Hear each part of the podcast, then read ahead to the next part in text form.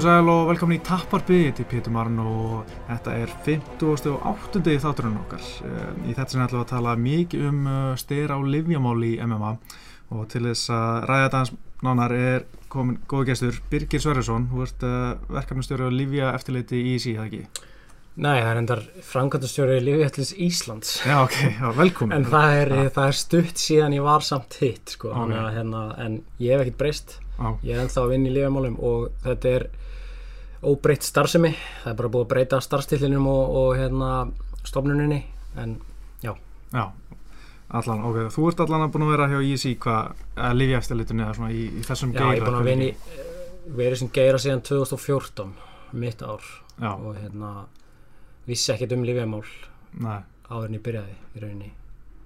Vissi eiginlega ekkert hvað styrar voru. Nei, Ég veit af allavega þá já, en, en já, fimm ár er, er ágætist tími í, í, í starfi en ég held að maður þyrti 500 ár í Já. þessum bransa til þess að vera svona nokkuð góður í öllu sem að þetta kemur að þegar snýst um ég veit. Uh, hvað er það sem þú ert að gera? Þú ert, hefur eitthvað verið að, ert að fara að taka menn í liðupróf eitthvað svona meðal annars ekki? Jú, þess að snýst svona aðalega um uh, að vernda reyna íþróttamenn mm. -hmm. við setjum þetta bara í eina setningu Já. við erum að vernda reyna íþróttamenn gefa þeim eða, eða reyna að búa til vettvang eða halda vettvanginu hreinum sem íþróttir eru Mm. svo að þeir sem að uh, hvað ég að segja vilja keppa á heiðalan hátt og hreinan hátt og heilbriðan hátt geti gert það án þess að að, að aðrir bara hafi frjálsræði hvað var þar þessi framistöðu bætindi efni Mm þú veist þar að segja þá efnin á bannlistanum Já, já, já. Þannig að þú ert líka að fara heim til menn svo, eða hérna banka upp á einhverjum mönnum eða að fara eftir keppni og láta á pissa í glas og svona og þetta er partur af þessu líka. Já, það er sem sagt oftast þegar það fara heim til fólks þá er, þá er um afreiksýþróttafólk að ræða sem eru Mm. ákveðnum svona lista það skráir sig það skráir hérna hvar það er. Öllum stundum. Og það er mjög margir þannig til dæmis í, í hérna, MMA eða UFC Mm þannig að þá eru þeir þá veit lifi eftir litið hvar þeir eru stattir öllum stundum. -hmm. og hérna og það er oftast best að hitta þá þá einmitt heima hjá sér þannig að Já. það sé á hreinu að þeir sé á staðinum Já, já, en þeir sem, allir þeir sem eru ekki í svona, þetta kallast whereabouts system Mhm. sem eru náttúrulega langt flestir íþróttamenn í heiminum uh, þá er þá er, þá er líklegast að hitta á æfingu eða leik Já, já. En nú veit maður að Júsata er í samstarfi við sé og þeir eru með svona kerfið þar sem menn getur komið bara hvenna sem er að banka upp og tekið á liðupróf. Er þetta í mörgum íþróttum, þú veist, er þetta í, frálsum eða í hérna, fótboltanum þar sem menn geta átt vonaði að vera teknið liðupróf bara heima á sér? Já, það er þannig það er, ég veit að um, til dæmis eins og ennska deildin í fótbolta Mm. þá eru liðin sjálf með svona, þess, þau skráir unni hvar þau eru að æfa Já, já, og klukkan hvað og það kemur alveg fyrir að það eru einstaklingar líka þá þarf það að láta vita sér hvar þeir eru öllum stundum mm. það er, það er hugsanlega og það, ég held ég er nokkuð vissum að það sé algengara í einstaklingsýþrótt því að það er þá veist, æfingin og það er breytilegt og þeir ráða bara hvernig þeir mæta stundum mm. æfingar uh, en þetta er í öllum íþróttum Einmitt, einmitt. Uh, fylgist eitthvað, eða hversu mikið fylgistu með MMA? Ertu eitthvað svona mikið að horfa á bara stærstu barndana? Já, ég er svolítið að ég fylgist með ég fylgist með hérna svona stærstu barðunum Mm myndi ég segja ég, ég hef ekki, ég fæ stundum illt í hnén á því að Já. horfa á MMA sjálfur ég hef Já. meðist allstar Já, bara veist, frá, frá toppi til táar í rauninni aldrei neitt eitthvað rosalega alvarlega en ég hef, þú veist, ég hef slitið hásinn, ég hef slitið Mm, crossband já. ég hef veist, brákað rif, ég hef brotið á mig lappirnar báðar. Já, ég fæ svona svona smá hrollstundum þegar ég sé spörkin og svo höfuhöggin. Ég er ekkert hrifin að því að horfa kannski á Mhm. olbúana sko. Ég svona finna þess til með st- stundum þeim sem er undir.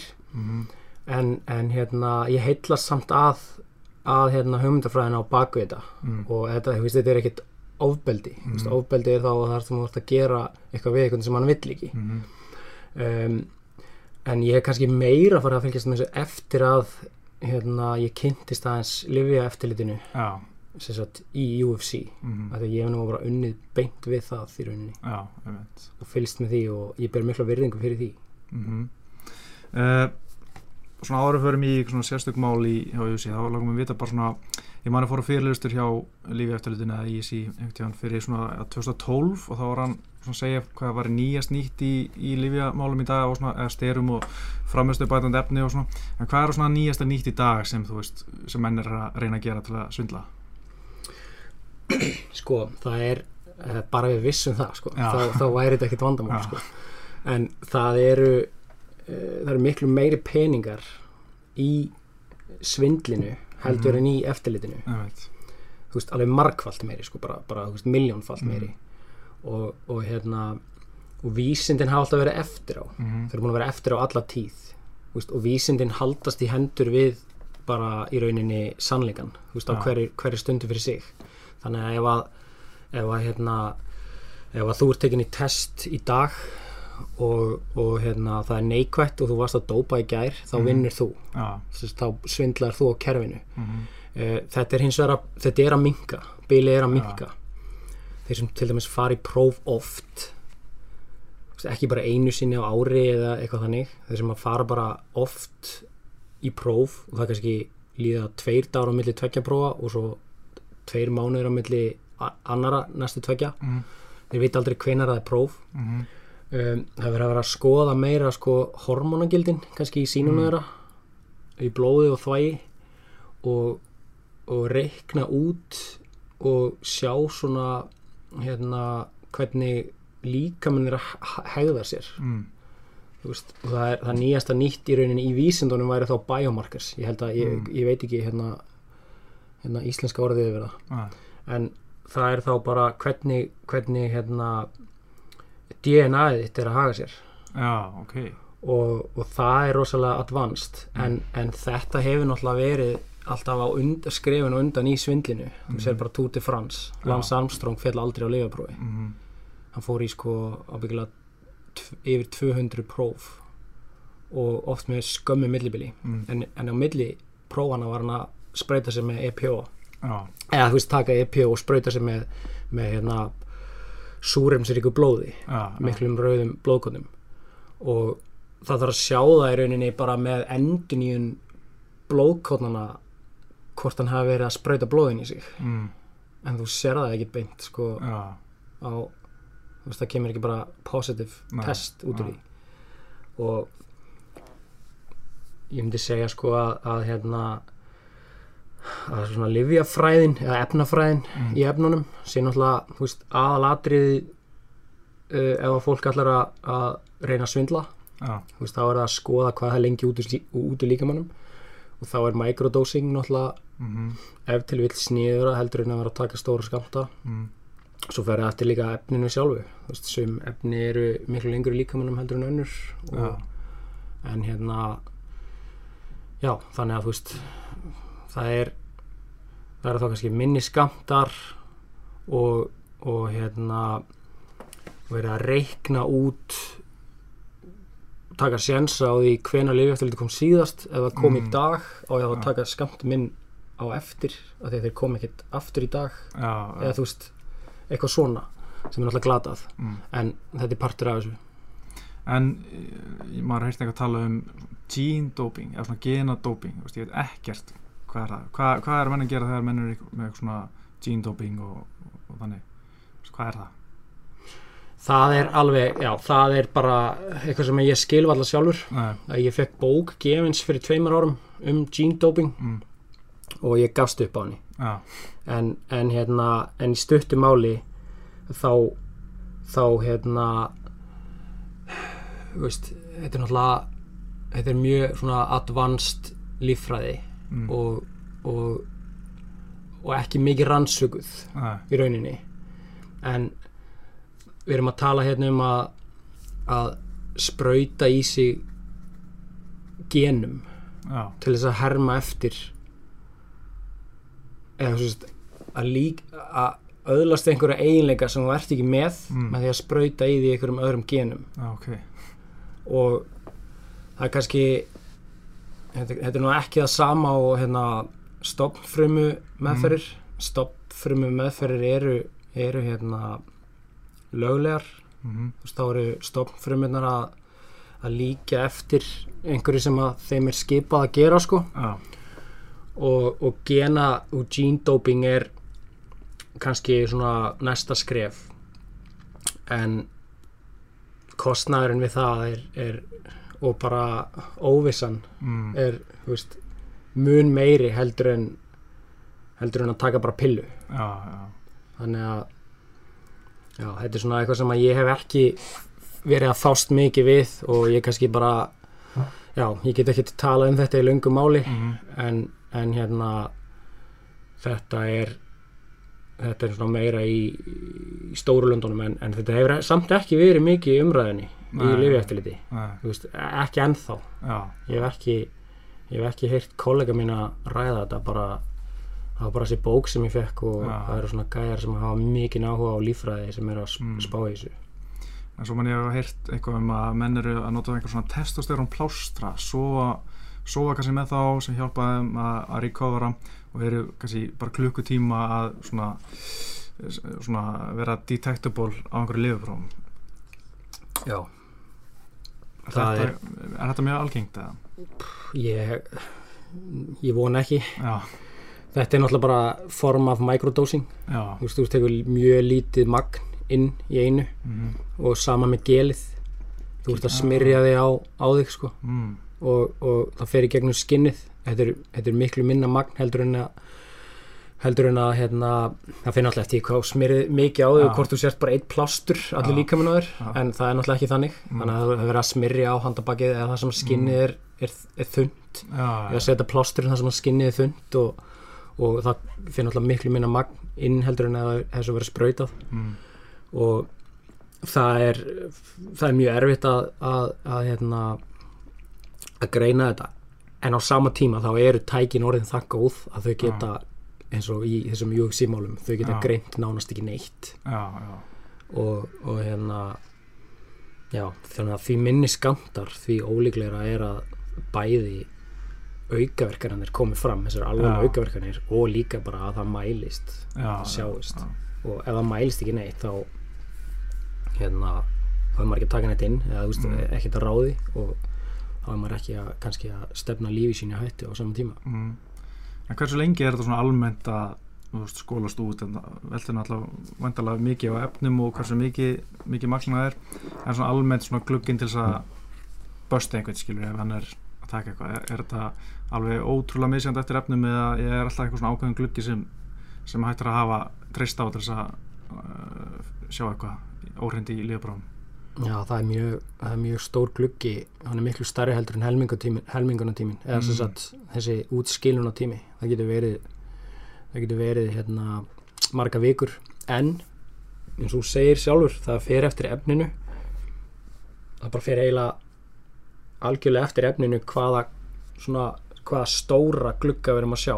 Hvernig það er, er orðið vonlust að greina hérna, efnið aftur í tíman en uh, það er það er líka hérna uh, erfitt að fullera eitt né neitt þú veist og þegar ég tala við hérna uh, forstjóran á labinu í Svíþjóð sem við notum Já, og ég spyr hann hvað sést þetta efni lengi í þvægi þú veist, af því að helmingunum tímin er kannski fjóri tímar. Mm, þá er þetta á þetta að vera farið á sólarhing uh, en hann segir kannski á móti já, við höfum verið að sjá þetta í meir en fimm vikur. Mm, og þá segir ég ok en, en, en hvað með þá átta vikur, þá segir hann við vitum það ekki. Já, hann getur ekkit í rauninni vísindalega að svara mér nema bara það hefur sest í meir en fjóra vikur. Mm, og það er eitthvað eitt efni og svo á eitthvað allt annað við um annað efni. Já, já, þannig að og, veist, það er alltaf verið að rannsaka þessi efni og hvað er hægt að greina þau lengi og svo framvegis. Og hérna, við vitum bara miklu minna heldur en við vitum. Eða sérst það er, það er bara, það vantar meira heldur en er til staðar í, veist, í, í hérna, fræðunum. Og það sé náttúrulega mjög mikið til sko. og þið takja sínin og sendið hann alltaf til Svíþjóðar bara. Já, við, við verslum við rannsóknarstofuna í, í Stokkólmi. Það eru 30, rúmlega 30 rannsóknarstofur í heiminum sem að meiga greina í þessast lifjapróf. Já, sem er þá svona vata approved Já, Ok, já. er ekki fleiri Það það? er ekki fleiri, sko. Ok, Og til þess að halda þessum réttindum þá þurfa rannsóknarstofunar að vera með minnstakusti 2500 greiningar ári. já, ok Og þær fór reglulega svona blind síni líka. mm. það er mjög stressandi fyrir þær það er sérst að fá þá fá blind síni í gegnum bara eins og til dæmis okkur Mhm. þá sendir World Anti-Doping Agency eða VATA, þá senda þeir okkur þápröfu og það er kannski þrjú efni á bannlista Mhm. í síninu og þeir segja, setja þetta inn í lífjapróf og skrifið bara eitthvað númer Mm. bara, þannig að þetta sé bara eins og þetta sé venjulegt lífjapróf og svo Ja. fer það á rannsóknstofuna og rannsóknstofuna þarf að greina það gessanlega á hár Mm. annars getur þú mist bara leifið sitt Já, þú veist, í einhvern next tíma þannig til að græðunar er að vera lagar já þannig að, En segjum að ég væri með eitthvað mót hérna á Íslandi og ég myndi vilja lifa prófa bara veist, mm hver er kostnæðurinn, á bakvið eitt lifapróf? e, startkostnarinn er mestur það, að það er bara, það er bara að mæta á staðin og þetta eru lámarks tímar og Mm. við erum að tala um lámark tvo starfsmenn Mm. um, þannig að ég myndi segja að eitt lífjapróf svona pluss mínus 100 áskrónur Já, um, þrjú lífjapróf geta verið 150 þannig að það eru samlegar áhrif mm. greiningin, bara greiningin á innan keppnisprófi þar sem sagt þá er aðeins lengri bannlisti, Mm. það eru fleiri efni greint, eða skima fyrir fleiri efnum.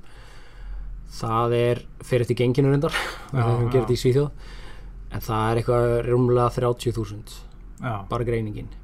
Og svo leggst vinna, sendingakostnaður búnaðurinn og á það. Já, og, og hérna og gengið svo sveiflast veit.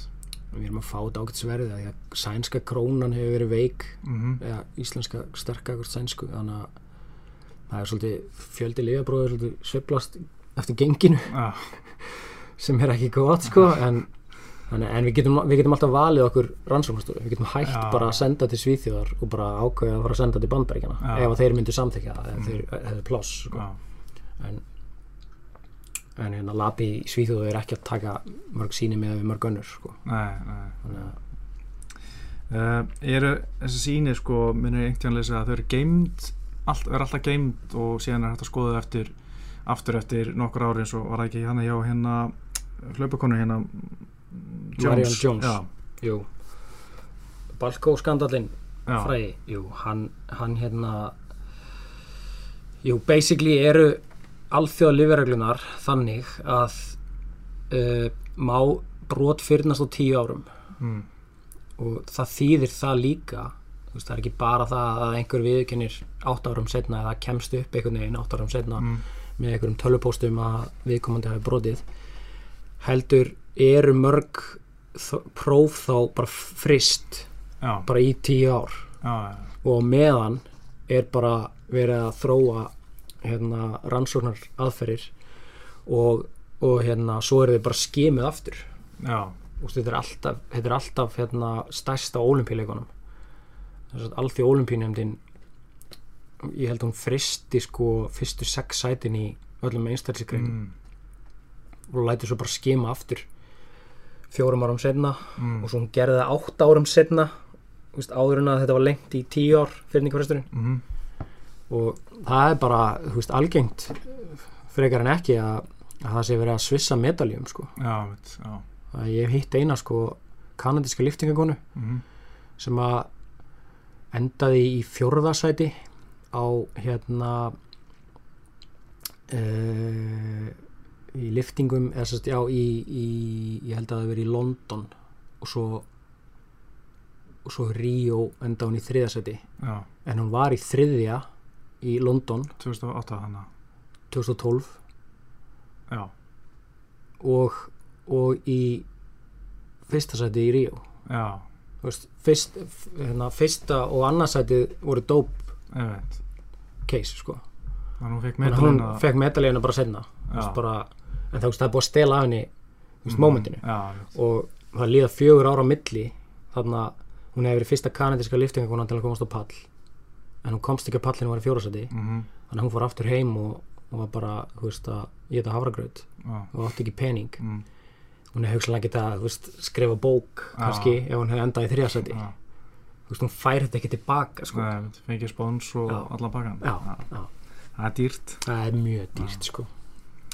en hérna Jonathan Dwight Jones það er nú gæði sem er ansu umdildur í MMA mm. og er náttúrulega eitt besti bardamaður í heimi og alltaf, en alltaf eitthvað svona þetta, nokkur sem falla löguprófi og alltaf og fyrst þegar hann fjall þá var hann uh, sann að veri dick pills Mm.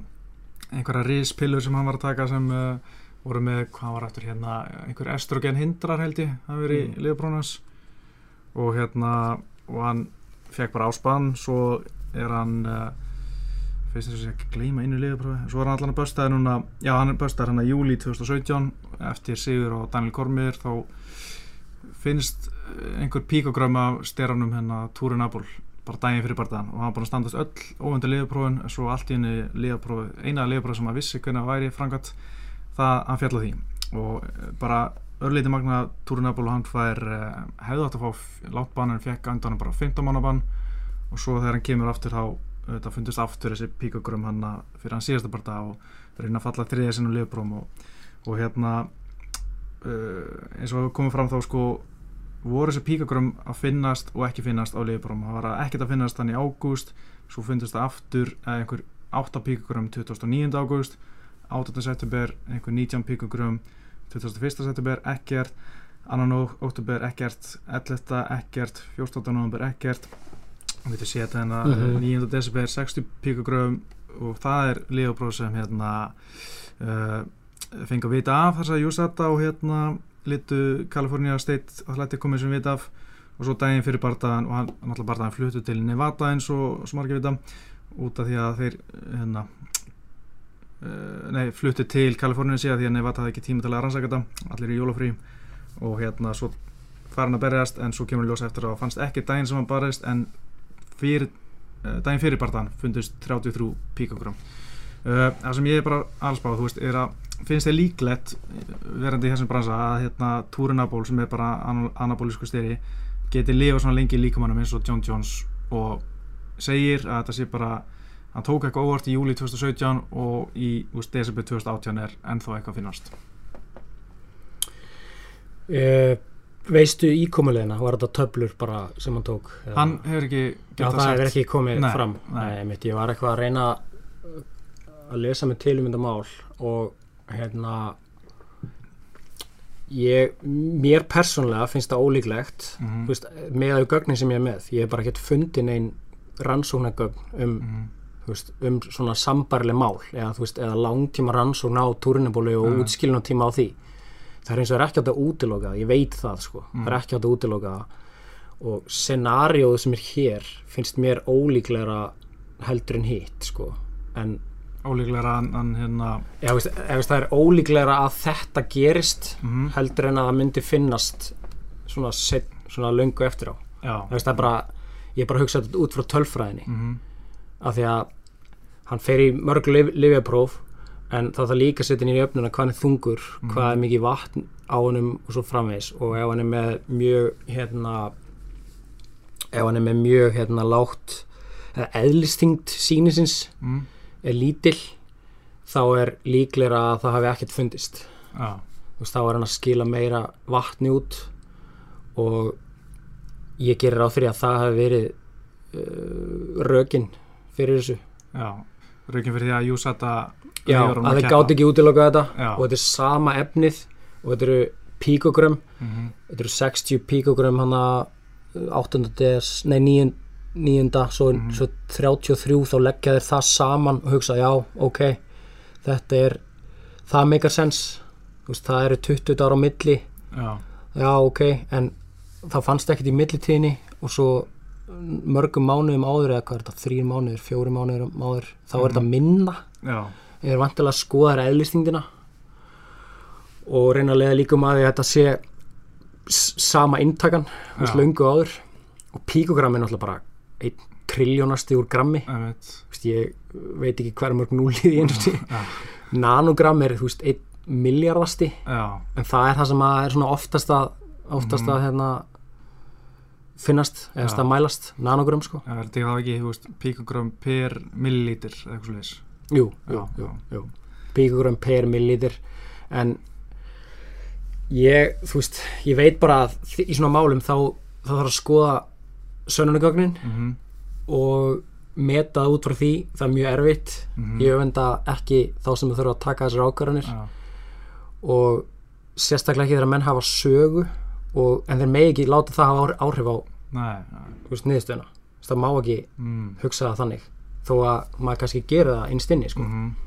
en ég veit bara ekkert meira um þetta mál heldur en það sem þú ert með hérna og það sem ég hef lesið Mhm. og hérna þetta er mjög ein, þetta er, þetta er einstakt mál sko. Já, og þú veist þetta geti verið hérna bara slæmt fordæmi í rauninni en það þarf að taka hvert mál fyrir sig og skoða mjög vel og taka svo ákvörðin og hann nýtu vafans mhm. þarna í þessu En veist, það er margir benda á, þú veist, er, þeir segja þetta sé hérna eitthvað pulsing effekt og sem er svona púlsast upp og niður, sko, og þetta leysist út, sko, að því hann er, finnst hann að 6, eða 33 hérna, píkakur þegar hann að skera niður daginn fyrir bardan, þá er hann í niðurskurði, sko, mm. þá er þetta að tala um að sé svona, uh, finnist freka þá þegar hann er í vasslósandi ástandi eitthvað svo leys. mm En það sem bara, menn er að tala um að helmingana tími turnuból er svo stuttur, þá finnst mennum þetta svo ólíklegt að, hérna, að þú veist, þetta sé ykkur í 15 já. mánuðir, sko. Já, hann er Já, þetta er er ekki 16 klukkutímar helmingun tímin, við minni það Já, ég, ég getur verið, ég manna ekki alveg sko en, hérna, en það, veist, já, það er svona veist, þetta eru bara dagar Já. sem átt að vera sem mm. veist, sem átt að, fara út en við vitum það samt og ég veit það að þetta getur greinst miklu lengur já, þó að þú veist að eiga að vera farið úr helming, helmingun tímin er gefin upp Mhm. okkur efni og grein, tækin eru bara orðin það nákvæm að þau sjá bara eh, efnið Mm. veist, vikum, mánuðum setna sko. já, ok. Þannig að það getur verið að vinna á móti veist, Mm. sannleikanum hvað tækin eru orðin fullkomin. En þetta er svona að það er að skoða alltaf veist, er þetta false positive? Já, veist, það er það sem þú vilt ekki í Mhm. lifi eftirliti þú vilt alls ekki vera með false positive. Já, bara, það er bara það sem þú veist, þess vegna mætir í vinnuna þú vilt ekki vera með, þú vilt fá positive positive eða þú veist, Mhm. þú vilt fá true positive segja. já, positive positive er hérna starffræði sko en þú veist, náttúrulega USADA er að leita til fullt af sérfræðinga sem eru að benda nafnsett við þetta að verið koma fram fyrir hérna eitthvað svona domstól Nevada Athletic State Commission og þú veist, eru rauninni vittni í málunu og, hérna og leggja fram svona sitt orðspor við með því að segja að þú veist, trúa ég að þetta sé hérna, veist, ekki ný intaka Já. Veist, ætti það ekki að segja mann svolítið veist að þetta eru svona mestu sérfræðingan í bransunum að þeir viti alveg hvað er að segja eða, heldur að sé bara að þeir Jú. get ekki sannað þetta eða, Já, já, ég held að sé, veist, þe- þeirra mat sé það að þeir horfa á sönnugögnin og þeir geti ekki sannað að þetta hafi verið nótkun, mm, sem sagt svindl, vísvitandi nótkun. já, Þetta sé, þú veist, á gamla, gamla leifar mm, og það er sem menn þurfa að skoða. Við getum ekki byggt svona mál á tilfinningu. Eh, að því sögðu þá held ég að hann hafi klálega verið tekin, til- tekin hérna í viðtal, skýslutöku, mm, veist, John Jones. Já, og það spilar eflust eitthvað röllu, ég náttúrulega var ég ekki á staðnum þar. mm, en hvort að menn séu trúverðugir já, ég held að það hljóta að vera inn í, í ákvöruninni það er það er hérna, ef að menn eru bara uh, að tikki öll bóksin varandi að vera að segja ósatt já, að þá gæti það hreift nálina sko. Mm, en, en hérna en allavega meðaðu gögnin þá, er, þá mátu vera þannig að að veist, hann fær njóta vafans. Já. En finnst þér að skríti bara svona að hann fá njóta vafaðis og ég man eftir að lesa um keisa sem var man einhvort það var túrinabúl eða einhver annar styrir, það var einhver, einhver leikmaður í háskóla fótboltanum í bandarækjunum Mhm. hérna NFL, hérna ameríska fótboltanum. Já, Eh, hann fór í aðgerð á aukslinni og þurfti einhver svona stera frá lækninu til að hjálpa til að hérna, hjálpa recoverinu uh og það var hann var alveg heil lengi eftir þetta að finnast einhver hérna, sterin í blóðinu eftir þessa sterarsprödu sem við fekk úr lækninum og hérna fór í sko einhver 50 legapróf og alltaf fannst eitthvað smá og það gæti ekki keft í í tvö og hálft ár sko, hann fór einhver aðgerðalega að fjarlæga fytufrumur ókslinu til þess að reyna uh að losa til hann bara gati ekki staðist lífapróf og hérna, en allan þannig tíma fekk hann ekki keppa, hann fekk ekki að, njóta vans en finnst þér svona að John Jones úst, ætti ekki að fá að njóta vans með að þó að sé að finnast bara einhver örlítil gögn. Nei, mér finnst það nætt að njóta vafans veist, með það sem ég veit vegna þess að það sem er að mælast er ekki performance enhancing mm. veist, það er bottom line í því sko. Já, ef hann væri að mælast með miklu meira magn Mhm. og veist, við setjum bara upp eitthvað svona barnalegt dæmi þar sem að það væri reysa skamtar og það væri samt tengt við gamla nótkun mm, þá getur við frekar sagt hei, það er það eru, það eru árangusbætandi það er framistuðbætandi áhrif af magninu sem þú ennþá með í þér mm, og það er náttúrulega það sem að veist, það eru slæmifrétnar fyrir lifi eftirlit og þetta eru rökin fyrir því að fólk eða íþróttamenn á afriks, hæsta afriksti og bara allir í rauninni að það eru sömur reglunar eða að fara í ævilangt bann já, fyrir fyrsta brot. Já, af því að þú byrð að þú byrð að hérna þessari breytingu mm, það sem eftir er, þó að það sé bara pínu lítið sko. já, en, en hún er eflust ekki framistuði bætindi ein og sér Mhm. en hún er gefur þú veist, á ákveðnum tímabúndi og þá er þá stittra í þú veist, þó hættir að nota efnið og bara hreyfir ekki neitt sko, já, byrjar aftur og þá ertu, þú veist nanogrammi á undan sko, já, og það er náttúrulega bara, veist það er zero tolerance í Já. antidoping. Mm, veist, þetta mál ég skil alveg, hinna mm, hitt sjónamiðið það er zero tolerance og menn er að segja bara, þetta er ekki zero tolerance Mhm. en þá þarf það að skoða uh, zero tolerance má heldur ekki vera false positive. Já, það er bara, það er, það er ræðilegt sko. Mm, og þá segja þér, þetta er ekki framistöðu bæðandi magn, já, þá er auðvöldur að, að, að láta hann njó, njóta á hans veist, hann fyrir svo mörg prófana líka í middiltíðinni mm, að ef hann hefði verið að taka inn meira þá held ég að það ætti að mælast herra sko, já, já, veist ekki nema hann hafi verið rosalega heppin með tímasetningan já. hann hafi verið að taka mjög mikinn sjens og á þessum veist, eftir hans sögu þá Mm. væri hann náttúrulega galinn að Já. gera það. Mm. en ég þekki hann ekki sko persónulega. Það kemur ekkert á vort hann er ekkert að taka svona bestu ákvarðanir oft utanbúrsinn sko. Hann er svona pínu viltur gæði sko. Mm en, en já, ég hefði einmitt haldið sko þú veist, með svona þessa zero tolerance policy, þú veist, ef hann væri að- þú veist, ef hann væri bara uh, Jón Jónsson hérna eitthvað frá uh, Noregi og finnast hérna bara svipamag, bara einhver þú veist, 30 píkagrömm eitthvað hefði hann ekki alltaf fengið samt sá bann, þú veist, það er þó að þetta sé það lítið magn eða? Það er nefnilega gæti, gæti verið sko þú veist, og mér langar að nefna dæmi um Chris Froome sem er hjólurakappi mm frá Breitlandi hann vann sko Tour de France fjögur ári röð. Mm, fjögur frekar en fimm, ég maður það ekki alveg samt en hann hérna fjall á lifjaprófi í, í fyrra eða hvort það var seint hitt í fyrra. Og hann var á asma mm, efni, asmalifi salbúðamóli sem er í vendolín sem er í svona innöndunarlifi sem mjög margir nota. Mm, það er svona blár diskur sem þú andar inn að þér. Uh, það er ekki á bannlista nema að fari yfir ákveðin mikrogrömm sérst notkunin Mm. og bara mælist ákveðin mikrogrömm í þér um, hann hérna fór yfir þessi mörg sem þýtti það að, að það kom í ljós setna að hann var að nota úða. Hann var ekki að Mm. nota diskin ah, hann er ekki með asma nema bara áunnin asma ah, hann er með eina bestu eða mestu súrefnsupptöku af öllum mm, hérna, mönnum jarðar. Ah, og en er náttúrulega í þannig sporti að þetta er bara, þetta er bara sársöka stjórnun. Mm, Hjól, hjólreðar eru það, ég þekki það bara einu einslu og hann segi keppi í.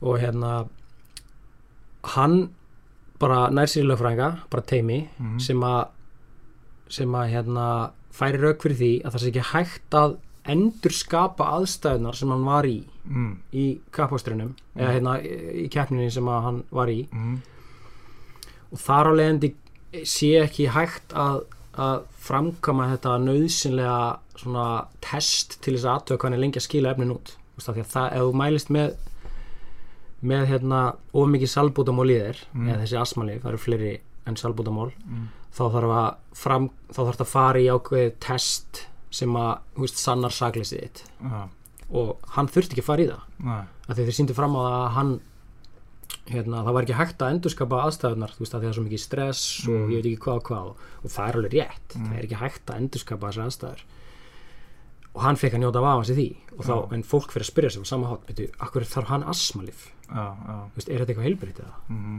en, en hérna það hefur náttúrulega verið þekkt í Tour de France að, að það, það var allt reynd og, og svo átt að hafa verið tekið til þar. Og maður veit ekkert hvað er í gangi baku tjöldin. Mhm. þetta er náttúrulega bara, þú veist, eins og það var með tím US Postal Service Já. sem Lance Armstrong var í, þú veist, þú, þú varst ekkert með eða þú, eða þú vild, vildir ekki dópa. Já, þú veist, þá getur bara hægt, sko, Mhm. bara reikin úr liðinu. Þannig að og svo eru fólk fara að horfa á Chris Froome veist, hann er clean og hann er fyrirmynd. Mm, svo fellur hann á livjaprófi já, en þá sleppur hann vegna þess að það má ekki vera false positive. Mm, en það er það er tölvöld nær því að vera positive heldur en að vera er, true positive heldur en John Jones myndi ég segja sko, já, að því að þetta er það mikið magn. Mm. og hann var að nota þetta veist, í Já, Þú veist, það fer ekkert að milli mála sko. og, og hérna er þá er alltaf íþróttafólkið að fara upp alveg að mörkunum mm það er Mhm. alltaf að reyna allt Já. til þess að ná betri árangri sko. og hérna já, þannig að þú veist ég vil svo ekki dæma í því máli en, en, en það er þetta er svona leiðilegt, já, þetta er hundleiðilegt sko. þú veist, maður veit, þú vilt bara að allt sé clean mhm, og það sé ekkert svona, þú þurfur ekkert að ræða þannig frekar, mhm, hvort að menni eða fara í banni eða ekki, þetta á bara að vera skýrt ég veit. En núna er John Jones að fara að keppa uh, annan mars á móti Anthony Smith og hérna að því eftir allt þetta, hann verður náttúrulega áfram í að tekja inn í liðbráf Júsata svo að því hann uh, skeita á sig hérna fyrir síðasta barða þá uh, uh, og hérna þar á undan þá vill uh, California State Athletic Commission hann í Kaliforníu taka hann í liðbráf undir eða Voluntary, Voluntary Anti-Doping Agency svo vil Nevada uh, Athletic Commission taka hann í liðbróf þannig að það eru þrýr aðalar að fara að taka hann í liðbróf fyrir þennan barða og þú veist Vata og NSC vilja taka hann sko minnst tvisar í mánuði og USADA þú veist bara hvernig sem er. Veist, ef hann stendst öll þessi liðbróf ef hann kem, kemst alveg clean í gegnum hennar barða myndi það segja að hann sé clean íþróttumæður eða er samt einhver vafi Meinar þá clean í dag eða sérst allan hann tíma sem hann var tekin í prófin frá því að fyrsta já, reynir bara clean fyrir þennan barða sko. Já, ég myndi segja ég, myndi, ég, ég vil trúa því. Já, þú veist, ég, ef, hann, ef hann fer í hvað er það, 5 próf eða þetta eru la- lágmark fjögur já og, sko. og hugsanlega þú veist 8 já, já. og hvað er langt í barðan sér hann er annar mars. Já, það er og þetta er búið að vera sín í, sín í sko, miðan januar er búin að vera að tekina þessum þreymur aðalum sko.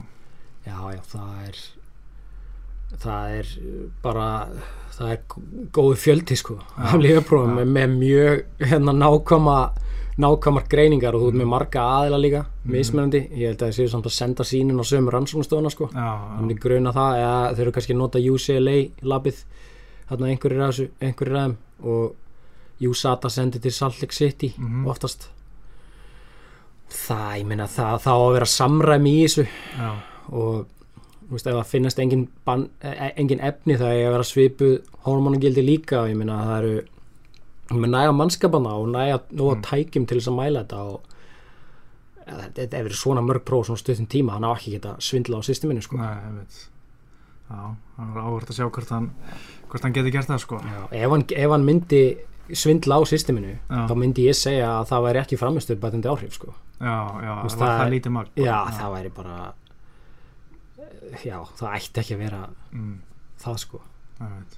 Þannig að þetta er, þetta er gríðlega fjöldi prófa á stuttum tíma og ef, það væri bara óskandi ef það var hægt að gera þetta á öllum sem að væri svona já, þú veist, þetta væri bara Já. rönganmynd gegnulýsing á alla. já, já, veist, þá væri þetta engin tilkostnaður og, og óþægindi fyrir Mhm. fólk en það er náttúrulega ekki að leggja þessa kröfu á alla að fara svona oft í próf. Nei, nei, veist, það er ekki, það er ekki svona það er ekki mannlegt sko. Nei.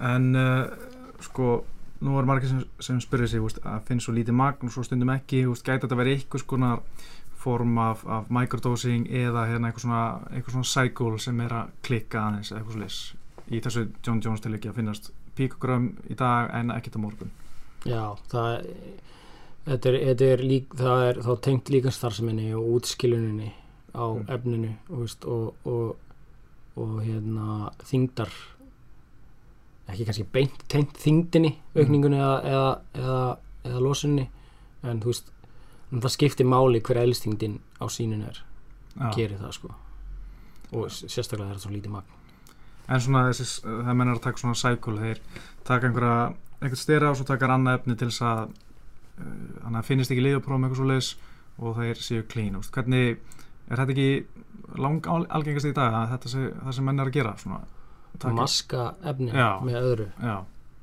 ég bara ég hef svo sem ekkert heyrt um það hérna á Íslandi en það ætti að, það ætti að sjást sko já, já, það er okkar bannefni sem er já, Já. Veist, þau efni sem maska þau eru á bannlista mm en þú ert kannski að tala um þá efni sem eru löguleg væntanlega, mm sem eiga að maska það en þú sér það bara á niðurstöðinni veist, þetta eru píkogram mm, löngu setna mm, veist, þetta, er bara, þetta er bara það sem var í því sem hann skilaði.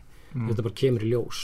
Mm, það er svo erfitt að fela þetta um, þú veist, með öðrum efnum og það er oft notað vasslósandi til þess að skila út hraðar það er á bannlista mína. Það, ef, það efni mælis líka sko. já, já, þannig að þú veist ég verð að segja bara pass.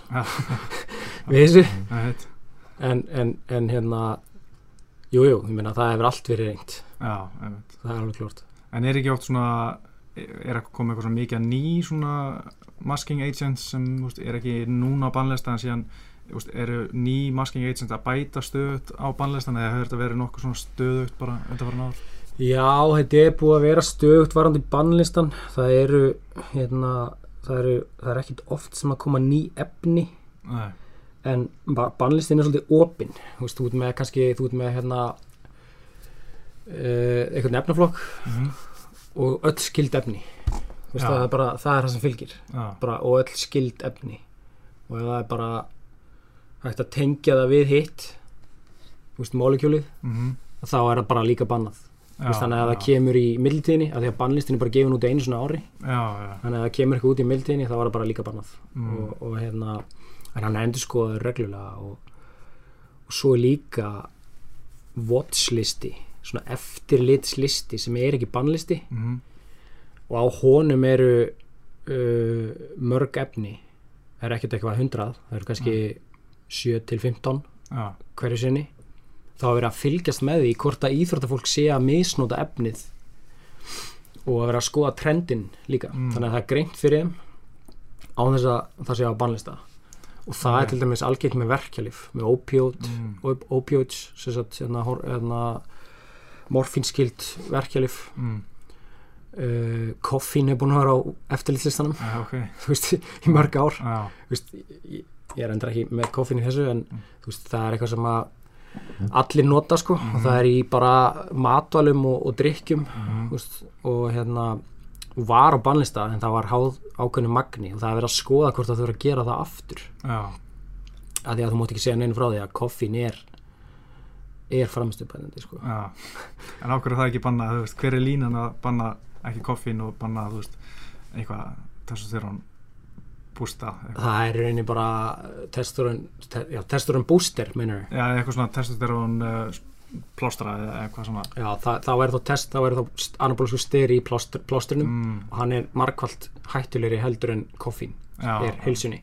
Koffín hins vegar ekki hættulust sko. já, það, fólk getur dáið á koffínislu já, og það er að fá koffíntöflur í apoteki í, í bandaríkanum mm, og hérna fólk hefur farið í hjartastopp út af því að það hefur drokkið ómarga monster. Mm, veit, og, og eða þú veist hvaða orkudrykkur sem það er. Mm. það er bara ómikið magna koffíni sem fólk er að taka inn. Og það hefur þá öfug áhrif. Þú veist það er ekki framistuð bætandi í mjög miklu magni sko. En íþróttafólk hefur alltaf verið að dansa á þessari línu. Já, en hver er línan þá við að, þú veist, af hverju er eitt efni bannað en, en hitt bannað, er að því það er svo hættulegt efni eða, já, já, það er nákvæmlega það. Það er, það er þetta eru, þetta eru, þetta er kriterja sem að öll efni fara í gegnum. Þetta eru þrjú hérna atrið mm uh, fyrsta atriðið er læknisfræðileg gögn eða vísindaleg gögn. Sanna það eða styðja það að efnið sé árangur spætandi framistöðu bætandi já, uh, og þá er að tala um umfram hérna, venjuleg næringarefni. Þetta er já. einhvers efni eða lífi eða eitthvað slíkt. Uh, í öðru lagi þarf að vera heilsuspillandi og það þarf að vera vísindaleg gögn á baku það. Mm, um, og svo í þriða lagi þá stríðir það gegn anda íþróttana það þarf að uppfylla tvö af þessum þremur. Og fó- þegar fólk hugsa stríðir gegn anda íþróttana, hvað þýðir það? En það er þá bara veist, þessi heiðarleiki og, Mhm. og að allir keppa á jafnbrettisgrundvelli mm, og þetta sé hérna, heilsueflandi og það, þannig að það tekkar í all hinn bóksin já, og hérna maður getur velt fyrir sér, þú veist, með koffín er það heilsu það er búið að sína fram á að það sé árangursbætandi bara örlítið, Já. þú veist, það er bara í kannski í langklöpi eitthvað slíku, sko. Það er örlítið árangurs eða framistuð bætandi mjög lítið sem hefur mælst. Uh, er það heilsuspillandi veist, þá er það bara ekki að tikki það box af því að það er fólk bara drekkur kaffi og Mhm. lifir fínu lífi sko já, en of mikið af því er um, Mhm. en það er slæmt ef við tökum sigur Já. sigur rauninni myndi tikka í bóksið að það sé hætt, veist, heilsuspillandi já, já, en það er sigur í öllu og í litlu Mhm. magni þú veist þá dugar ekki til sko já, þannig að veist, þetta er alltaf spurningar og svo með kannabis líka Já. kannabis er núna löglegt í, í nokkrum löndum Mhm. og svo ríkjum í bandaríunum mhm, og það er miklu harðar tekið á kannabis í, í atvinnudildunum í bandaríkjunum heldur en anabóliskum styrum já, já, en anabóliski styrar eru eru hættulegri. Þú veist, það er- það er hættulegra efni. Já, þú veist, er, þú, þú getur fengið sko gríðarlega hættuleg hættulegra aukaverkanir bara strax. Mm, kannabis er náttúrulega hættulegt líka. Já, en það er alveg það er debate í gangi mm, á það að vera á bannlistanum veist, ef það er orðið er selt út í búð á Já. að vera bannlista það, en þá er, þá er að fólk að skoða líka sko, bannlistan gagvart íþróttum af því að það eru allar íþróttir undir bannlistan, sama bannlistan. veist, skák Mm. með vatabannlistan. Já, þú veist, kannabis, róa taugarnar og, Mm, og eitthvað já. svona veist, skák getur verið mjög tauga trekkjandi íþrótt, ég fylgst með heimsmeistaramótun í skák. Já, og það er það, veist, það er ekki það sama og, og, og, fara í hnjáleika sko. þannig að það þarf að skoða krítiríuna mhm, og byrja saman við allt. Það er góð punktur, ég veist það ekki. En það er allan að, sko, mjög margir í MMA tala um, veist, svona sem eru kannski að, reykja dagstæðalega eitthvað svo, veist, hætta náttúrulega kannski eitthvað fyrir bara dag, en svo hefur þetta fundist, reglulega reykingamenn á Mariana og alls konar þannig dæmi, ég náttúrulega veit ekkert um þetta, bara finnst svona THC í, bara blóðinu í keppni og þá fá þeir, bann, sigurinn dæmdur ógildur og það er margir mjög svona ósamála þessu, sko, veist, hérna að, að þetta finnst því svo lengi í líkamann eða þú ert reglulega notandi sko, að þetta er svona pínu erfitt sko, að, hérna, að meta hvernig, hvernig á að fara rétt að þessu sko.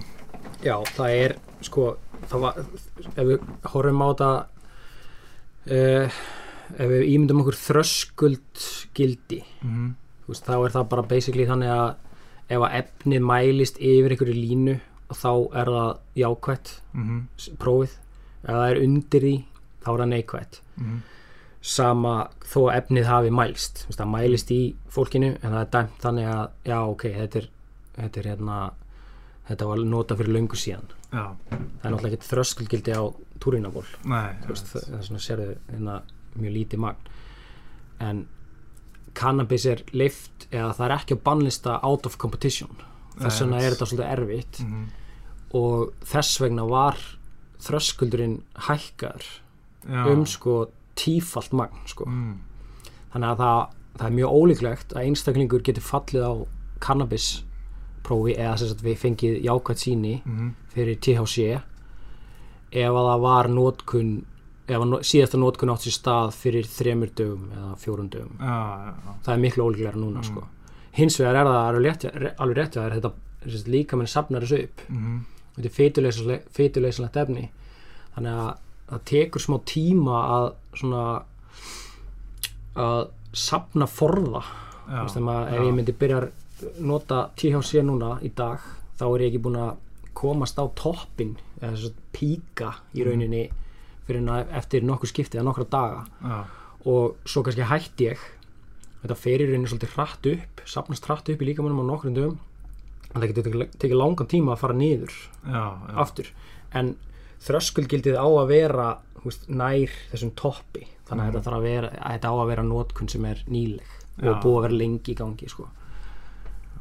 Það er eitt mjög skrítið með THC er að hérna, Texas eru mjög strángir sko, þeir eru sko, ég man ekki alveg minnir sko að þröskuldurinn sé vanlega 150 nanogr, nanogrum per millilitra nema Texas er með 50 nanogrum sko. Það var einhvern tíðan auðvitað kvöld í Texas í fyrra eða 2017 og þá fjallu þrýr sem voru sko hefðu vanalega verið undir þröskuldunum en þegar Texas er með svo miklu lærri þröskuld að þá Mm. var sigurinn dæmdur ógildur sko. Það var pínusækjandi fyrir þá sko En, en svo náttúrulega spyrir maður sig okkur menn er að þessu og annar borð sko. já og það er spurning hvort að þetta hafi verið þú veist, false positive eða, eða hvað sko af því að við vitum að þetta er ekki bannað utan keppni eða ekki bannlist utan Mhm. keppni Einmitt. og þetta var einmitt einn af þessum barndaminu allan var frá Colorado þar sem þetta er náttúrulega löglegt sko. þannig að það er pínu er rétt sko. En hérna fæðubótrefni það er náttúrulega örgulega hver einasti barndamæður sem fellur á leiðubröð hann kennir fæðubótrefni um er þetta ekki bara alveg vilt að vestri? Er þetta trúverið? þetta er vilt af vestrið sko. Þetta er uh, þegar við höldum fræðsluðurendi þá er allir í símanum. Þangað til að við Mm. byrjum að tala um fæðubótaefni já, þá sperrast eirun þetta er náttúrulega eitthvað sem allir nota. Mhm, eða þú veist mjög margir, þannig að við nota miklu fleiri fæðubótaefni heldur en, heldur en hérna, efni á bannlista. Mm, en þetta getur verið það sama. Já. það getur verið efni á bannlista í fæðubótaefnum mhm, og þetta eru breaking news veist, Já. fyrir marga. Mhm, af því að fæðubótaefna bransinn hann hann er hérna, hann er frumskóður já, og hann er að velta 100 miljardar dollara mhm, uh,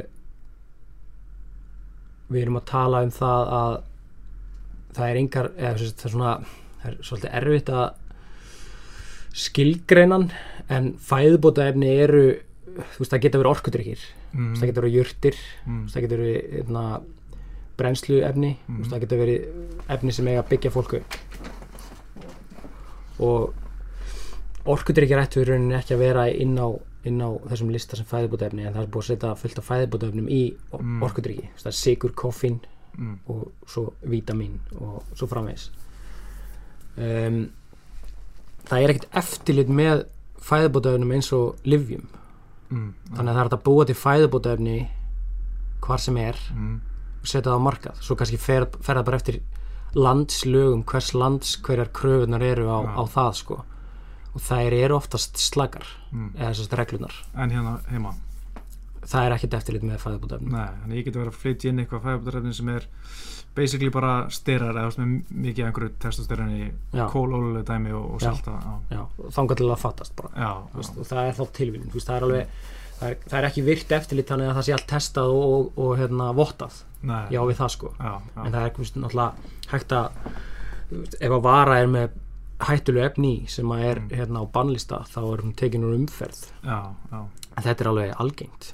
Veist, og það er, hérna, það er rann, til rannsókn frá eða svona yfirgrip eða svona ákvæðu að kalla þetta? Yfirlits rannsókn eins og lélegur í íslensku Já, í svona fræðamáli já, það, þá er það að skoða sko, hérna einstakar rannsóknir millir 2000 og 2017 um fæðabótaefni mm hvort að það sé, veist intended use eða ekki. Já, hvort það sé vísvitandi nótkun á bannefni eða hvort þetta var eitthvað sem þú vissir ekki að það væri í fæðabótaefninu þetta Mm. snýst um fæðabótaefni og þú ert með hana sé, 23 rannsóknir og stundum í einhverju rannsóknum eru 20 manns sem fara í livjapróf já, sem eru bara búin að taka alls konar efnin uh, og í stærstu rannsókninu voru veist 650 vörur teknar og greindar bara Mm. í drasl bara í hérna í, á rannsóknastofu og niðurstaðan er svo að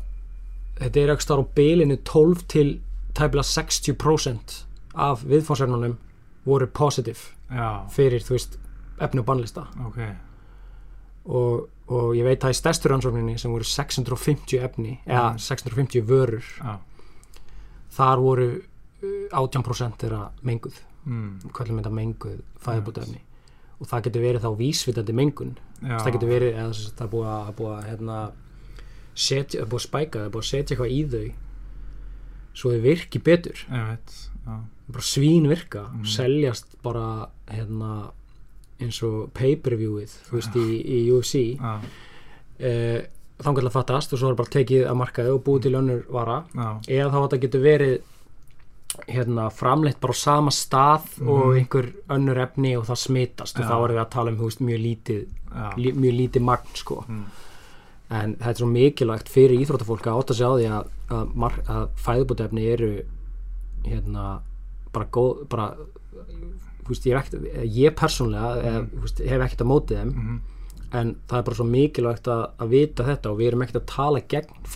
einmitt, það er bara, það bara staðrindin er svo að það er ekkert eftirlit með þeim eins og með livjum mhm, og, og þess vegna hafa sömur framleiðendur hafa þurft að eða þeir hafa farið og, og leitað eftir vottun þriði aðila, svona vottunar fyrirtæki og það kostar rosa pening mm, að láta votta þau af því að það er ekkert eftirlit með þessu. Já, og hérna það eru líka til dæmum það að fæðbótavörur séu bara veist, það er verið að auðlýsa hérna, t- 15 grömma prótein í hverju skeið eða 25 grömma prótein í hverju skeið og það eru kannski bara 10 já, já, veist, það er líka annar mm, punktur. Og stundum eru efnin á, sem eru bönnuð sem eru á bannlista eru skrifuð á innjárslýsinguna þú veist, fólk bara kann ekkert að lesa út, út úr því. Já, já, eða þau eru bara, eru bara hreinlega ekki á innjárslýsingunni það er bara verið að svindla á kúnanum sko. já, og hérna, já, En er ekki uh, Júsata til dæmis með, þú veist, þú getur sendt fæðabæðröfni til þeirra og þeir rannsakaðu og gefa samþykki eða eitthvað Já, nei. Þeir gera það nefnilega ekki. Nei, ég held að ekkert landslífi eftir í heiminum samþykki í fæðibótaefni en þeir gefa út lista sem er svona kallar high risk listi. Mm, þá eru það efni sem að eða vörur, maður segir alltaf efni Já. en veist, þú horfir bara á prótindungu eða eitthvað, Mhm. eitthvað þannig þá, þá eru þá er listi sem að þeir gefa út sem að hérna uh, þeir setja vörur á sem að eru líkur á því að geti innihaldið efni Mm. á. Þú veist, það getur verið þá eitthvað bats var mengað mhm, og, eða einhver skamt, framlistu skamtur og svo næsti ekki það getur þá verið smitt, það getur verið viljandi. veist, það er bara allur gangur á því sko. En, en ég held að þeir votti ekki nei. Það getur verið að UFC sé með eitthvað svoleiðis. Já, Svona Minn- spes. já, Minni sko allan að ég á Jeff Nowitzki að tala um það sko, hann sem er hérna fyrir þá sem ekki vita uh, svona framkvæmstjóri performance and health eitthvað hjá UFC og er svona alltaf í tengslu Jósata Mhm. UFC en vinnur ekki hjá Jósata. En hérna hann að þú getur sendt þeim fæðbátræfni og þeir eitthvað grenslas fyrir og mm, segja að það er í lagi þú veist. Já, að, Jeff sé að samþekja þetta það er, það er það, það væri þá svona þum, ákveðin þumalplöturegla þetta er bara eitthvað svona uh, eins og þegar ég kaupið mér uh, úr eða eitthvað. Mhm, ta- snjallúr. Hérna sk- skoðaði kannski reviews. Mhm, ég skoða, er það til á Amazon er það ekki til Amazon, er það bara til AliExpress? Já. Og hef ég heyrt eitthvað um þetta? Er þetta fake? Þú veist uh, sami veist, hefur séð texta áður? Já. Þú veist, ég hef oft séð Red Bull og, og, og hérna whey protein, ég hef séð muscle milk. Mhm, þú veist, það er búið til lengi. Já. Hverja líkurnar á því að þetta sé mengað? Veist, ég ber ábyrjina sem neytandi og þetta sé, að það sé það ekki því miður, þú veist, þannig eru reglunar já. uh, en ef ég get sínt fram á það að efnið sé mengað þá er það ekki intentional use Mhm. ef ég get sannað það og þá er það þá ætti ég að sleppa já. með aðurinn en, en hérna uh, grunar að þetta sé svona þeir séu bara svona tiltölulega að leggja blessun sína yfir þess að við erum þá bara persónlega sko. Íþróttamæðurinn ber alltaf ábyrð já já. Þeir eru að segja þá bara já, ég er búin að fara yfir innhjálpslýsinguna mhm, það er ekkit á bannlistanum en þeir á þess að efnagreina vöruna þá geta Já. ekki fullir það sko einmitt.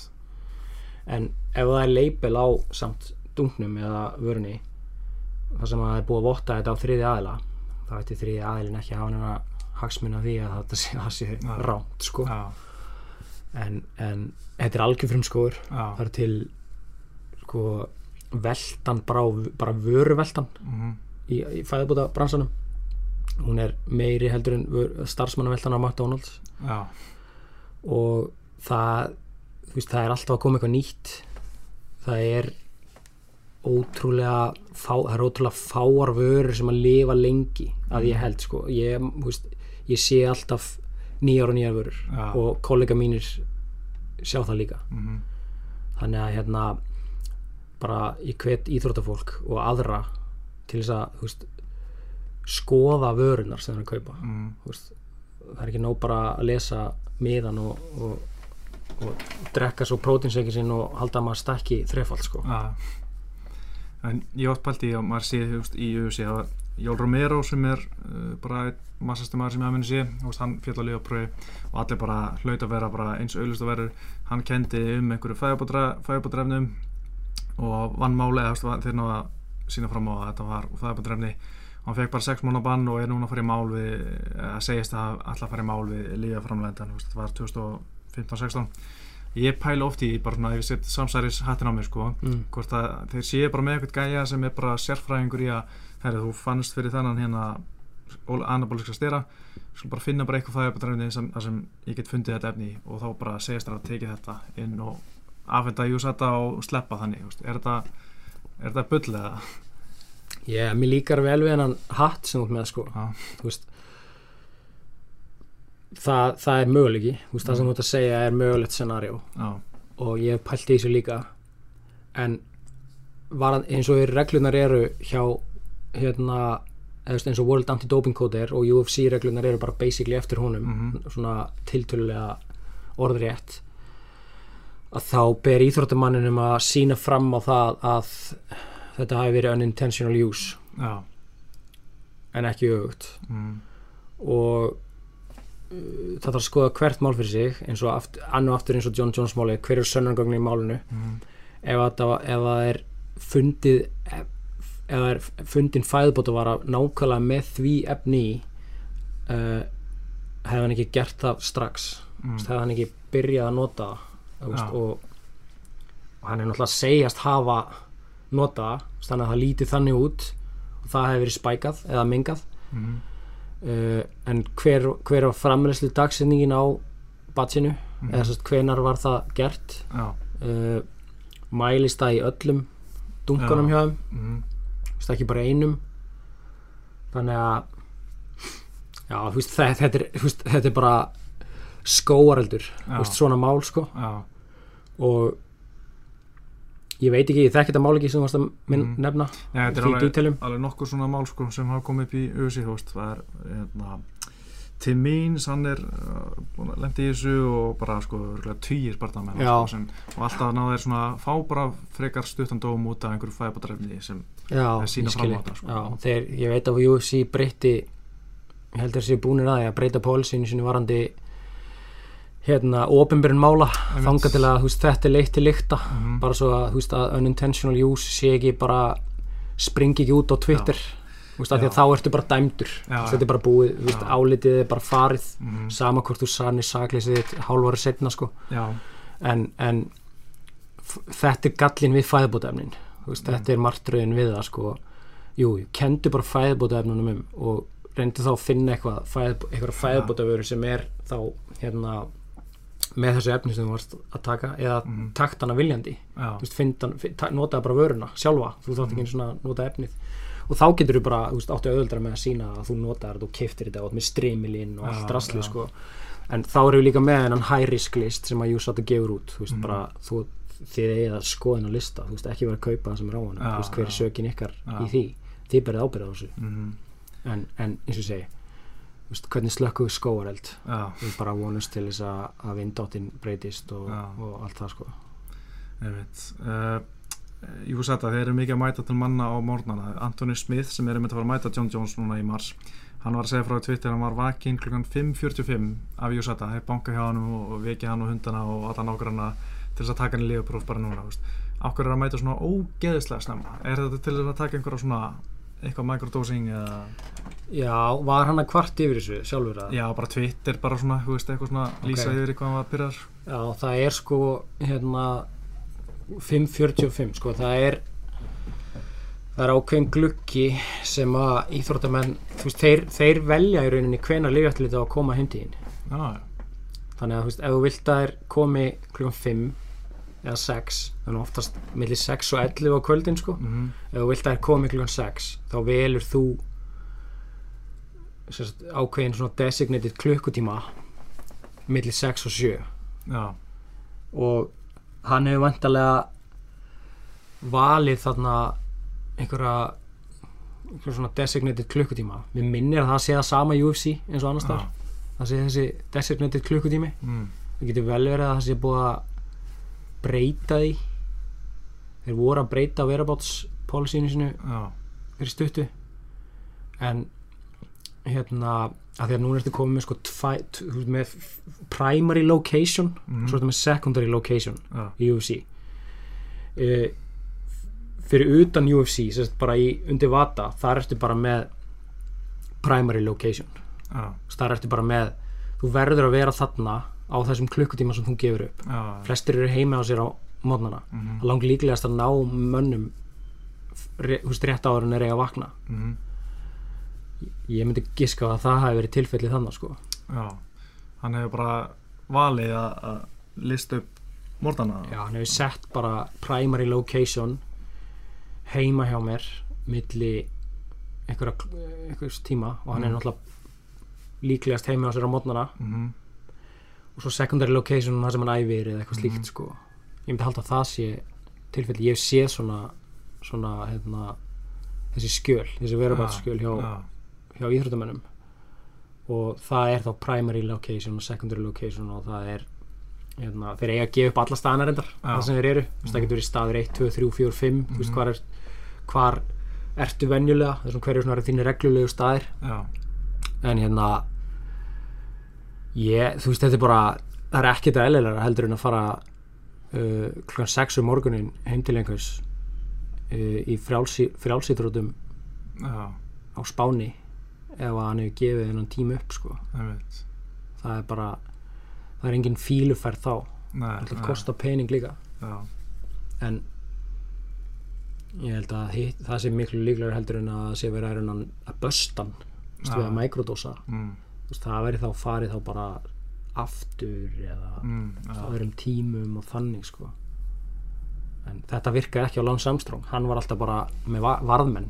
Já, ok. Þú veist, hann var með hann var bara út í einhverju eigu mm, og svo sildi hann bara burt frá eiginni hinum megin þegar lifjaftiliti kom á bátnum já, ok. úr hinum endan það er styrkilega svo Uh, HGH, þannig að Human Growth Hormone það er Mhm. náttúrulega ágætlega svona vinsælt og mikið nota af þeim sem er að tjúsa uh, Krokop sem er svona legendary barndamaður sem var lengst að í Pride og var í UFC um tíma. Hann var fyrsti maðurinn til að falla lífapróf eftir að USADA kom inn sko. Hann Ok. er svona, hann var eitthvað 37, 8 ára gammal þá sko, hann er, kannski orðin færtur eða eitthvað. Og hann hérna tekin í liðapróf og óvænt liðapróf og hérna af USADA, svo bara skömmu sinna tilgæti að hann var hættur. Og þá síðan eitthvað skömmu eftir það tilgæti að hann hefði hætt sko að því að hann bara líka með þólur ekki lengur, veist, ég var tekin í liðapróf og þá var ég nýbúin að dæla í mig HGH bara viðkynna að hann, að var að díla við eitthvað axlameðsli og sprauta í sig einhverju HGH og hérna vissam myndi fa- falla liðaprófi og tilgæti að væri bara hættur í íþróttinni.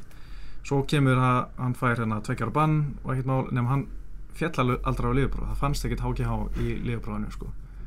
þannig ef hann hefði bara haldið kjafti það hann sloppið sko en veist, er HGH til dæmis bara mjög stutt þú veist, það var bara, hann held að hann myndi bara vera börstaðar en það fannst ekki þú veist, er þetta það stuttu líftími á þessu að já Það þetta er, stutt, það er stuttur líftími á sig sko Já. helmingun tímin er fjóri tímar fjóra hálfur eða eitthvað slags og það er sólaringur já, sem það tekur að skólast út. Og það er erfitt að greina það í þvægi.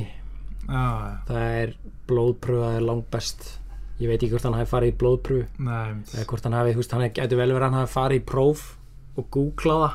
Já, þú veist, hvað það er lengi í þér og reikna bara út, ok, ég er, þú veist, ég er búinn sko, og ég er hættur. Og að ég hættur að því ég var að taka HGH áður en niðurstaðan kemur. Það er mjög spes, það er svipað og hérna hún hérna uh, tennisdrottning frá Rúslandi gerði, mm, Sharapova. Já, hún hérna er ekki að fara með rétt mál kannilega sko. Hún hérna ég vil ekki vera veist, freyma hérna einhvern saklusan en hún sem sagt held blaðmannafund eftir hérna Australian Open fyrir mm. þremur, fjórum árum. Byrjun eða þremur árum. Byrjun, byrjun 2016 þá var ákveðið efni ný komið inn á bannlista mm, sem heitir Meldonium já, sem er bara framleitt í Lettlandi. Lettla- Lettlandi að Litáin Mm. sem er hjartalif mm, sem er bara til þess að auka árangur í íþróttum. Það stendur á kassanum ok, for sport performance enhancing effects sem er galið. Já, og hún var að taka þetta og það voru fullt af rússum sem að fjallu á þessu hann í kringum þessi áramót það var ekki á bannlista fyrir áramót. Mm. svo eftir á- 1. janúar 2016 var komið á bannlista. Og hún heldur blamanafund og þá komið niðurstaðan á prófunu hún sagði bara ég fjall að liða brói og hérna ég vissi ekki að þetta væri á bannlista. Mm, veist, ég las ekki e-mailið sem ég fekk já, og hérna Júlia Efemova sem er rústneskur sundkappi mm, hérna margkvældur velun af olimpíuleikum á heimsmyndstarmótum hún hérna fjall fjóri sinnum á þessu Já. efni eftir áramót. Mm, en hún held alltaf fram saklýsinu sagði bara nei, ég tók þetta fyrir áramót. Já, og svo var efni rannsakað, þetta er svo nýtt efni. Mhm. og það var sínt fram á að það gæti verið líkamni í fimm mánuði. Já, þannig að Sharapova fjall að því að hún viðkendi að hafa notað eftir áramót. Mm, en hinn slapp að því að hún sagði bara nei, ég tók þetta fyrir áramót. Já, þannig að þetta var hérna það sem var komin um koll sko. Mm, og, og veist, gott hjá honum samt að hafa viðkend notkunina út af því að þá kom hér sanna í ljós. Mm, en hann gerði sjálfur, sjálfur sem grík sko. Já, hann sagðist bara líka mér var ekki í standu til þess að takast á þetta lengur og hefði þurft hjálp við það og hætti en svo var hann aftur byrjaður sko. Hann tók Mhm. aldrei út þetta tveggjar á banið hann fór bara að berast annars þar í Mhm. Bellator og í Japan og, og var að berast bara um síðustu helgi þar sem hann er orðin 44 ára gammal og hefur aldrei verið í betri formi. Já, ég skil. Já, það segjum hann ímislegt sko. Já, Uh, en svo bara loka spurningin við erum búin að vera hérna að fara í heilmart sko. uh, af hverju ekki bara leifa þetta allt? Veist, af hverju vera í smeltingaleik og veist, margir sem segja að við fáum bara betri íþróttamenn og hérna, skemmtilegri eh, viðburði og hérna, veist, þetta verði aldrei hægt að stoppa þetta og þetta er komið á langt og við bara, þetta sé bara overfitt og, og, og við erum bara að gefast upp bara, leifa þetta allt bara. Já, bara því að fólk hefur mist trúna á kerfinu. Já og bara, einmitt, það séu allir að þessu, hvort þið er það er allir að þessu hvort er já. Mm. það er sko stuttasvarið er náttúrulega bara heilsvars sjónamiðin mm -hmm. þú veist, sumt fólk veit ekki hversu eh, hérna, mikinn skadar gera líkamann sínum, það getur Mm. komið í ljós löngu setna, Já, það kannski notar einhver líf eða einhver efni og líður vel að því. Eh, það getur verið aðri kvatar á bakvið notkurina heldur en þessi íþróttilega árangur. Nú oftast það samt í áreiks íþróttum mm hvað er að skilja á milli svona einhverja uh, deilda eða afrekstiga sem eru ekki með lífjættilit og svo hinna til að Mhm. ala upp krakka heilbyrjanhátt og sleppa þeim svo út í opinn dauðan Mhm. sem að lifin eru sko og svo, hefur, svo er það bara mannlegt eðli að vilja sjá hversu langt líkamann kemst og við getum aldrei gert Mhm. það ef við erum bara með þetta allt opið mm uh, veist, læknisfræðilega séð myndir náttúrulega aldrei vera samþygt Mhm. að nota þessi efni veist, það er bara hreinu en ég hef oft heyrt samt fólk segja þú veist, mér finnst það þetta leifit allt veist, ég, ég myndi aldrei gera það en ég vil bara sjá þú veist, -hmm. ég vil sjá þetta hérna, vera leift af því að það er allir ásök hvað sem er. En hvar eru þá mörkin? Veist, þetta er allt leift á að setja þröskuld á það mm. eða á bara að leifa eins mikið magn og menn vilja, Já, það enda með ósköpum. Þú veist, það enda bara það er bara blóðbað sko, veist, innvortis blóðbað, það er bara hreinu. Og vopnakapplöpið sem að það væri mm það væri ennþá blóðura held ég heldur en það er í dag. Og ég veit alveg að systemi er ekki perfekt í dag en þeir sem vilja keppa þeir geta verið veist, clean og, Mhm. þú veist, og lifa lengur þar á leiðandi. Þú veist, þeir eiga meiri möguleika eins og systemi er í dag þó að það sé ekki fullkomið. Þú veist, þannig að svona þetta er mitt sjónamið á það í stuttu máli. Og hva, um hvað snýst þetta veist, á endanum. Mhm, ef það á að leifa allt. Veist, um hvað erum við erum við að gera hérna. Þú veist, erum við að, af hverju viljum við sjá tonn fara á loft frekar en 500 kíló? Veist, what's the point? Já, Þú veist, það, er, það er ekki einstaklingurinn. Hann, hann ítir sér svo langt að hann mun líklega aldrei býða spætur. Og það er ekki hægt að taka til dæmis eins og bara eins og með hormónin hérna sterana, anabólisku sterana það er ekki hægt að taka hormón svona þessi hérna kalkinshormón án þess að þessi aukaverkanir. Já, það er bara ekki hægt. En svo bara spurning hvort að maður taki eftir þeim mhm, eða hvort það kom í ljós strax eða lungu setna og svo Já. framvegis. Þannig að svo er alltaf að koma nýjar og nýjar rannsóknir og eins, eins og til dæmis bara með anabólisku styrana þá eru andlegu aukaverkarinnar hvað alvarlegastar já, sem við vitum minnst um. Mm, en það eru óafturkrefar breytingar á heilanum. Já, það eru vitsmunaskerring stórir skamtar í langan tíma geta þynt heilabörkin. Já, og heilabörkurinn stjórnar vitsmunum mannsins. Farið þetta ekki tilbaka Þú ert bara lengur að púsla og lengur að hugsa og svo framvegis. Þannig að það er ekki gott fyrir samfélagið í heilsinni ef að þetta er þið bara lift já, þú veist, þú ert bara með meiri kostnað fyrir heilbríðskerfið og bara vanhæfari einstaklinga út í þjóðfélaginu þannig að veist, við verðum bara eins og staðinu núna að halda áfram þú veist, að, að reyna að fræða ungt fólk um skaðsemina og reyna að fá svona íþróttamenn til þess að samþykja það að keppa á jafnbrettis grundvelli þó að ég Já. komst ekki inn í NBA því ég er úr lítill sko. já, en þá erum við að banna þetta af því að þetta er hættulegt heilsunni Mhm. það er bottom line já, það er góð lokaorð, veit ég að segja. Það er mjög fróðleitt, bara Birgir, takk kærlega fyrir komuna og hérna, aldrei veitin um að gera um þetta aftur einhvern veginn þegar- ég fæ upp fleiri spurningar, hérna. já, bara hvena sem er, þetta var mjög gott þú ert sennilega svona mest best undibúni spyrillin sem ég hef fengið hingað til ég Ok. bara, bara vel gert Já, takk fyrir það og bara takk kærlega fyrir komuna og takk fyrir að hlusta.